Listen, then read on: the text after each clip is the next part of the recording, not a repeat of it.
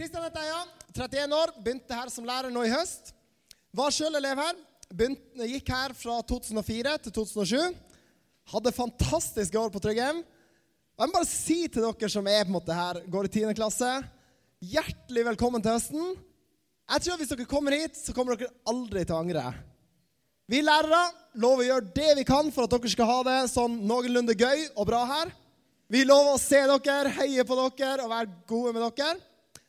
Og så er jeg helt sikker på at dere kommer til å oppleve et kjempegodt miljø. Dere som bor på internatet, kommer til å oppleve at det er utrolig gøy. Og jeg, jeg bare si, jeg tror Tryggheim er det beste valget. Jeg er så stolt over å ha gått der sjøl. OK, Mads, jeg er ikke kjøpt og betalt, altså. Men det kunne høres sånn ut. Jeg var kjempeglad for å få være elev her, og jeg er kjempestolt over å jobbe her. Temaet for talen i kveld er hjemme...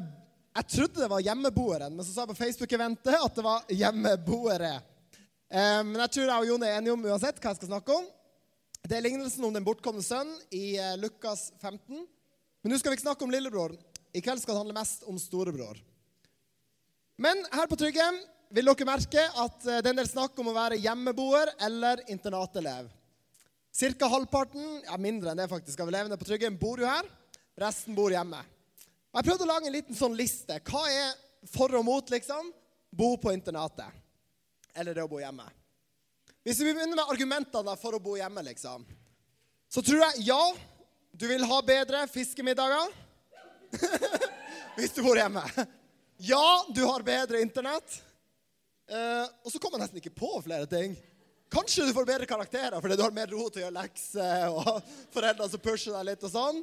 Kanskje slipper du å vaske klærne dine sjøl. Det fins et par, eh, par pluss eller fordeler med å bo hjemme. Hva er fordelen med å bo på internatet, dere? Kunne stå opp syv minutter over åtte og allikevel rekke skolen. Eh, hvis du har lyst til å være sosial uansett Nei, det må jeg ikke si engang. Jeg skulle å si uansett hva tid på døgnet, men innenfor innetida så har du liksom vennene dine sånn ti meters avstand. Eh, jeg vet du hva. Det er så gøy å være eh, internatboer. Og sikkert fint å være hjemmeboer også. Jeg skal ikke ta fra dere den gleden heller, altså. Eh, Alt har sine fordeler og ulemper. Ja, Dere forstår dialekten min, sant? Ingen problem? Snakker ikke fort? Nei? Bra. Da kjører vi i gang. Lukas 15. Hvis dere har gått på søndagsskolen, har dere garantert hørt den historien. Jeg håper ikke dere drar hjem i kveld og tenker at åh, denne talen var så obvious, liksom. Jeg visste alt han skulle si på forhånd. For det tror jeg egentlig ikke det. Eh, det handler jo om eh, den minste sønnen, Lukas 15, en lignelse Jesus forteller. Om en sønn som sier til far sin, 'Pappa, kan jeg få arven min?' Så reiser han til et lang, eh, langt borte, lever et vilt liv. Det står at han lever med hore. Jeg tør ikke tenke på hvordan det så ut, altså. Eh, men brukte opp alle pengene han hadde. Så blir det hungersnød i landet hvor han er. Han har ikke noe å spise. Han får seg jobb som grisepasser. Han må spise frukten og maten som grisene spiser. Han har det forferdelig. Så begynner han å tenke, han her sønnen. De som jobber hjemme hos pappa, de har det så utrolig mye bedre. De har mat i overflod. Så bestemmer han seg for å dra hjem igjen. Han tenker at jeg har fornærma pappa på det groveste. Jeg kan ikke lenger være sønn, men jeg skal be om å få være en av tjenerne til pappa. Så står det at faren han ser sønnen sin, er på vei hjem. Og så står det her i teksten min eh, ok, Jeg trodde jeg hadde god oversikt på notatene mine. når Jeg bruker å liksom rote med dem. Jeg har kontroll. To sekunder. Jeg har liksom stifta dem og ordna dem skikkelig i dag. Jo, hør på det her. Da han var langt borte, fikk faren se han, og han fikk inderlig medfølelse med han. Han løp sønnen i møte, kastet seg om halsen på han og kysset han. Sønnen han prøver liksom å sier 'Pappa, jeg har synda mot deg. Jeg har synda mot Gud.' Men faren tar seg ikke tid til sånne her ting. Tilgir sønnen umiddelbart. Steller i stand en kjempefest. Slakter den fineste kalven de hadde. Gir han de beste klærne, ring, klær. Og bare steller i stand et kjempeselskap. Men den lignelsen her, det er ikke bare en fin historie om en far som kan tilgi sønnen som har gjort noe dumt.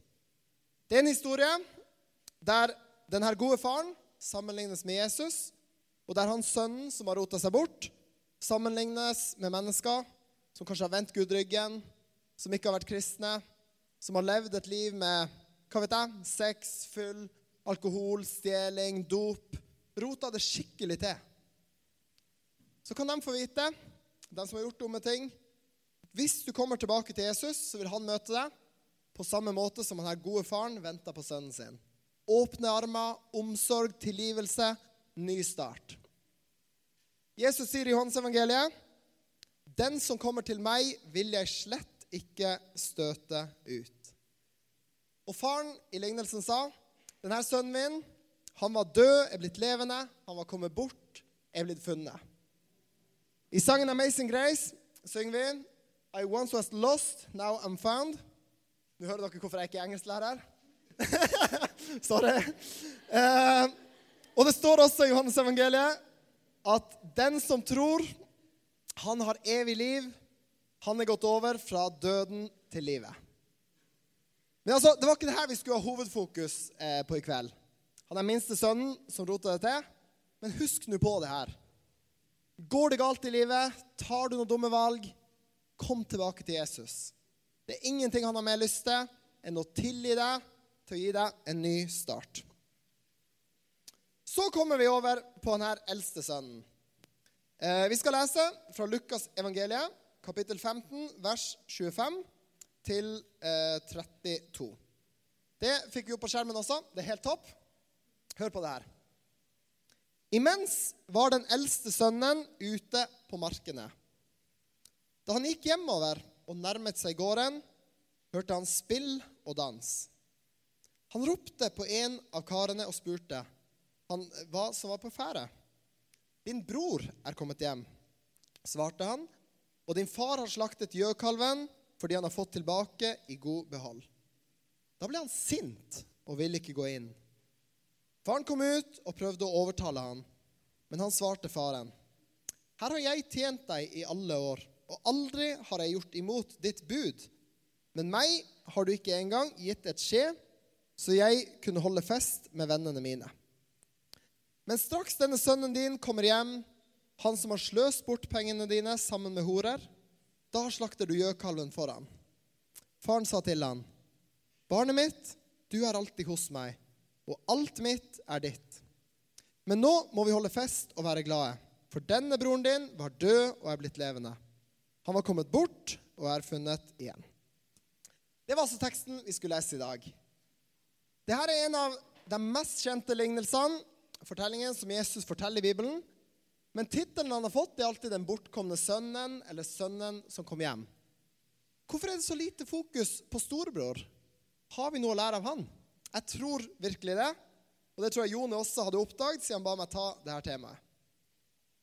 Jeg sa i begynnelsen at faren er et bilde på Jesus. Sønnene er bilder på ulike typer mennesker og deres religiøse liv. Kanskje mange av oss kan identifisere oss med storebroren. Det var han som aldri tok et skikkelig opprør med faren. Han som ble hjemme. Kanskje denne storebroren virkelig kan være bildet på de som eh, sier at de er kristne, er vokst opp i en kristen hjem, går i et kristent miljø, men allikevel har et kaldt og distansert forhold til Gud. Kanskje er det bildet på dem som aldri leser i Bibelen lenger, som aldri ber, men som ytre sett ser ut som en fin og from kristen. Hvis noen av de siste stikkordene jeg nevnte nå, traff deg, så hør litt ekstra godt etter på de tingene jeg vil nevne. For i den teksten vi nå leste, så var det tre ting som beskriver storebroren sin reaksjon. Det første var at han ble sint når det går opp for han at lillebror har kommet hjem, at han har fått tilgivelse, og at far har stelt i stand en fest for han. Hva er greia her? Jesus som fortalte de her lignelsene, egentlig retta mot fariserene, som var jødene sine teologer, fordi de var sinte, fordi han var sammen med syndere og folk som hadde fått ja, en feil kurs på livet. De spurte hvordan kan Jesus tilgi de her menneskene og la dem få være en del av Guds rike.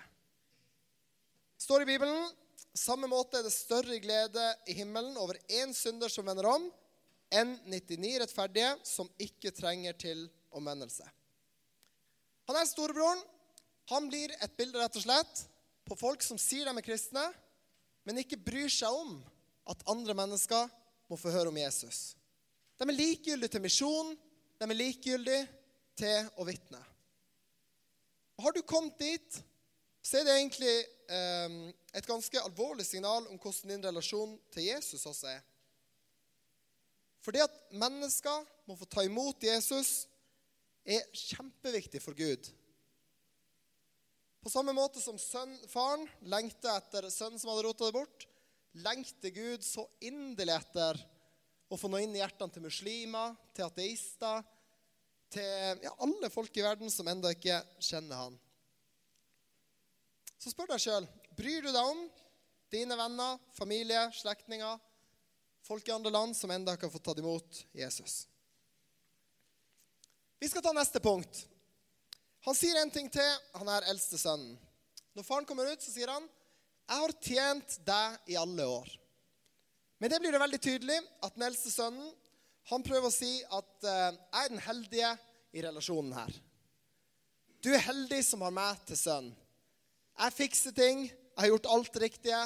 Når du dør, så fortjener jeg virkelig å arve denne gården, jordene og ryktet ditt. Men det blir veldig tydelig her at han er egentlig ikke så glad i faren. Så kan vi se på oss sjøl også. Hvordan er vårt forhold til Gud? Tenker du når du går i kirka, at du gjør Gud en tjeneste? Eller tenker du at det er han eh, som møter deg, tjener deg, gir deg sin tilgivelse, sin nåde. Tenker du at du er den heldige i relasjonen med Gud? Eller er du bevisst på alt det han har gjort for deg, og hvor høyt han elsker deg? Siste punktet eh, i på en måte stikkordene om Eldste søndag. Han sier at 'jeg har aldri gjort imot dine bud'. Han sier egentlig 'jeg har aldri synda, aldri gjort noe galt'. Hva med oss og synder? Jeg tror vi alle er opplært til å si at ja, jeg har gjort gale ting. Jeg har synda. Men er det synder i livet ditt, konkrete ting du har gjort, som du med hånda på hjertet kan si at du angrer på? Eh, som du har skamma deg over, og som du har kommet til Jesus med for å be, be om tilgivelse med? Det håper jeg det. Eh, for synda er et problem i livet vårt, i relasjonen med Gud. Når vi bekjenner syndene våre, så vil Far mer enn gjerne tilgi. Siste punktet i talen kommer her. Og Det handler litt om faren og hvordan han oppfører seg overfor den eldste sønnen. Den normale reaksjonen til en far i Israel på denne tida ville vært å blitt kjempesint på oppførselen til sin eldste sønn. Hvordan er det mulig at han ikke kommer inn, er med på festen? Som eldste sønn skulle han ha en rolle som en slags fredsmegler. Han skulle være den som tok imot gjestene eh, varta dem opp. Nå gjør eldstesønnen en offentlig protest. Igjen ser vi en veldig overraskende oppførsel fra far. Han er god, han står og overtaler. Han prøver å veilede sin eldste sønn sånn at han skal ta kloke valg. Eh, og så blir det også et bilde på Jesus igjen. Jesus som er så uendelig tålmodig med oss. Som alltid møter oss med godhet, omsorg og vilje til å tilgi. Eh, nøyaktig hvordan det endte med den eldste sønnen, det vet vi ikke. Vi vet ikke om han til slutt ble med inn på festen, godtok det og gleda seg over lillebror som var kommet hjem. Eh, men hvordan det går med de av dere som kanskje har fått en litt kald relasjon til Jesus, er kommet litt på avstand, eh, det går det an å gjøre noe med. Det kan vi få, få endra på. På samme måte som Jesus tok imot han som hadde rota seg bort, eh, begått grove, tydelige synder, så vil også Jesus ha en nær relasjon til han som ytre sett ser perfekt ut, men kanskje inni seg er kommet på avstand. Han tar imot oss med åpne armer, tilgivelse, godhet. Ja, Det var rett og slett bare det jeg hadde lyst til å dele med dere. Husk det, Jesus er kjempeglad i dere. Han vil ha en relasjon til dere. og Velkommen til Tryggheim. Tror jeg bare sier det.